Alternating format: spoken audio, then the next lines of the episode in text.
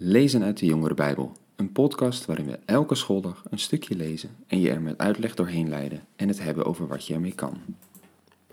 Dag jongens en meiden, goed dat je weer luistert. We zijn deze week mooie verhalen van David aan het lezen.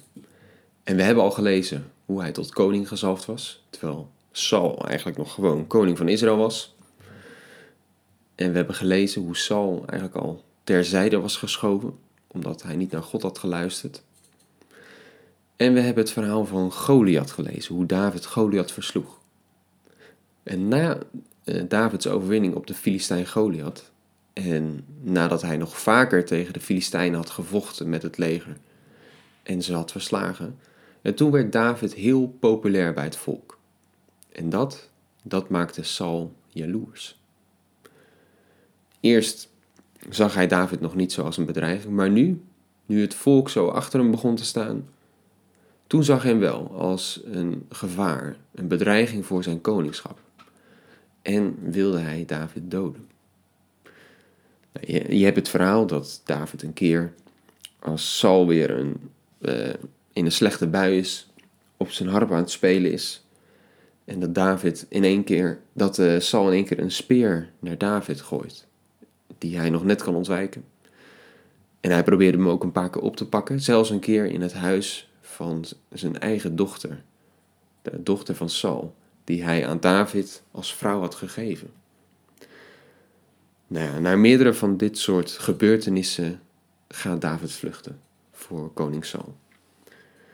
En ook daarin zijn weer allerlei mooie verhalen over wat daar gebeurde. Eentje daarvan gaan we lezen uit 1 Samuel 24. Daar staat: David trok zich met zijn mannen terug in de rotsholen in de buurt van Engedi. Toen Saul bij uh, terugkeer van zijn veldtocht tegen de Filistijnen hoorde dat David zich in de woestijn bij Engedi bevond, koos hij 3000 van de beste soldaten van Israël uit en ging met hen in het rotsachtige gebied waar de steenbokken leven, op zoek naar David en zijn mannen.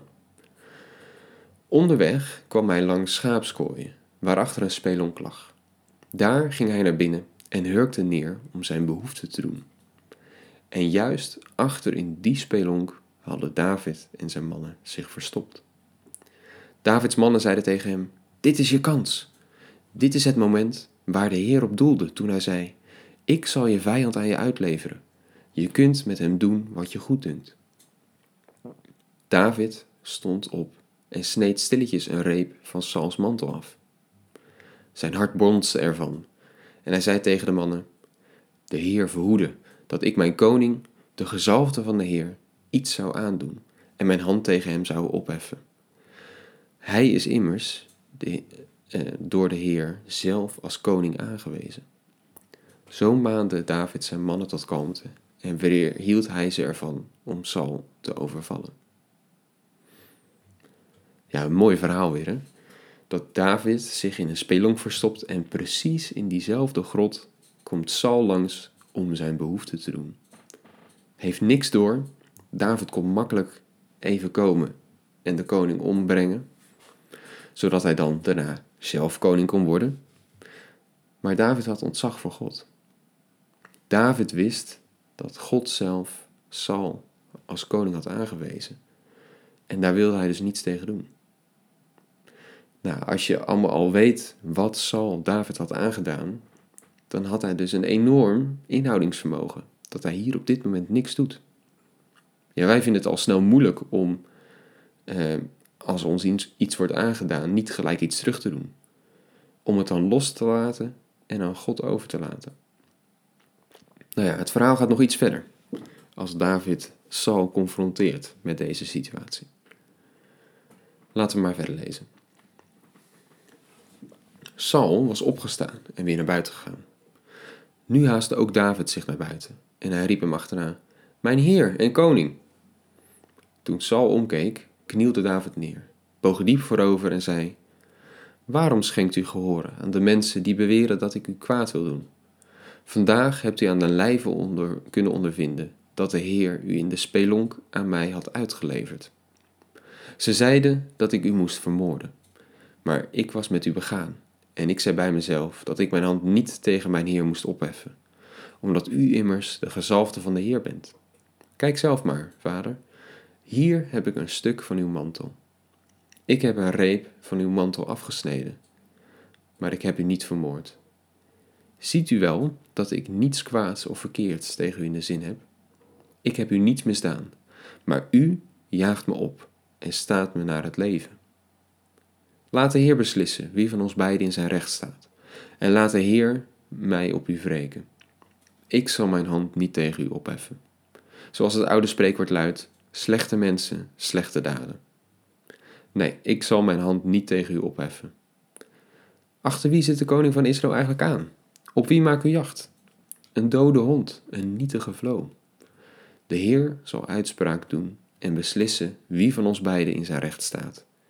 Hij zal mijn zaak onderzoeken en verdedigen en mij recht verschaffen tegenover u. Nadat David was uitgesproken, vroeg Saul: Is het jouw stem die ik daar hoor, David, mijn zoon? En toen barstte hij in tranen uit en zei: Jij staat in je recht en ik niet, want jij hebt kwaad met goed vergolden. Je hebt zojuist getoond dat je het goed met me voor hebt. De Heer had me aan jou uitgeleverd en toch heb je me niet gedood. Wie laat ooit zijn vijand gaan als hij hem op zijn weg vindt? Mogen de Heer je belonen voor wat je vandaag voor mij hebt gedaan. Nu weet ik zeker dat jij koning zult worden en dat je het koningschap van Israël vast in handen zult houden. Ja, je ziet iets moois in de reactie van Saul. Kijk, David, hij had zich kunnen wreken. Hij had eh, alles wat Saul had aangedaan kunnen laten terugkomen bij hemzelf. Maar David doet juist iets goeds. Eigenlijk precies het tegenovergestelde wat je zou verwachten hè, als mens. En eigenlijk zie je dat wel vaker in de Bijbel terugkomen. Dat we worden opgeroepen om als ons iets kwaads wordt aangedaan, om dat niet met kwaad te beantwoorden, maar juist met iets goeds. Zegt Jezus niet, slaat iemand je op je wang? Keer hem je andere wang toe. Doet iemand je kwaad? Geef hem te eten en te drinken. Zegen hem. Doe goed. Juist door zo positief en tegennatuurlijk te antwoorden, zal het aan hem gaan knagen. En dan zal hij gaan nadenken, waarom doet diegene dat? Waarom doet hij niet wat ik verwacht? En juist dan kan je veel meer effect hebben bij iemand. Veel meer effect juist door goed te doen dan door jezelf te wreken en nog harder iets terug te doen. Juist dat maakt het verschil. Nou ja, dat is iets waar wij zeker ook van kunnen leren. Ook in de kleine dingen. Als mensen naar tegen ons doen, door juist positief te antwoorden, bereik je veel meer met, bij mensen. En ja, dan moet je dus loslaten dat jij niet zelf uh, kunt terugdoen wat jou is aangedaan. Je moet loslaten dat jij dus niet het zelf recht kan zetten. Maar laat dat maar aan God over. want de Bijbel zegt ook dat God op zijn tijd recht zal doen. Hij zal eh, recht zetten wat je hier allemaal is, uh, is aangedaan. Probeer zo eens te reageren de komende tijd. Probeer daar eens aan te denken als je, als je wat overkomt.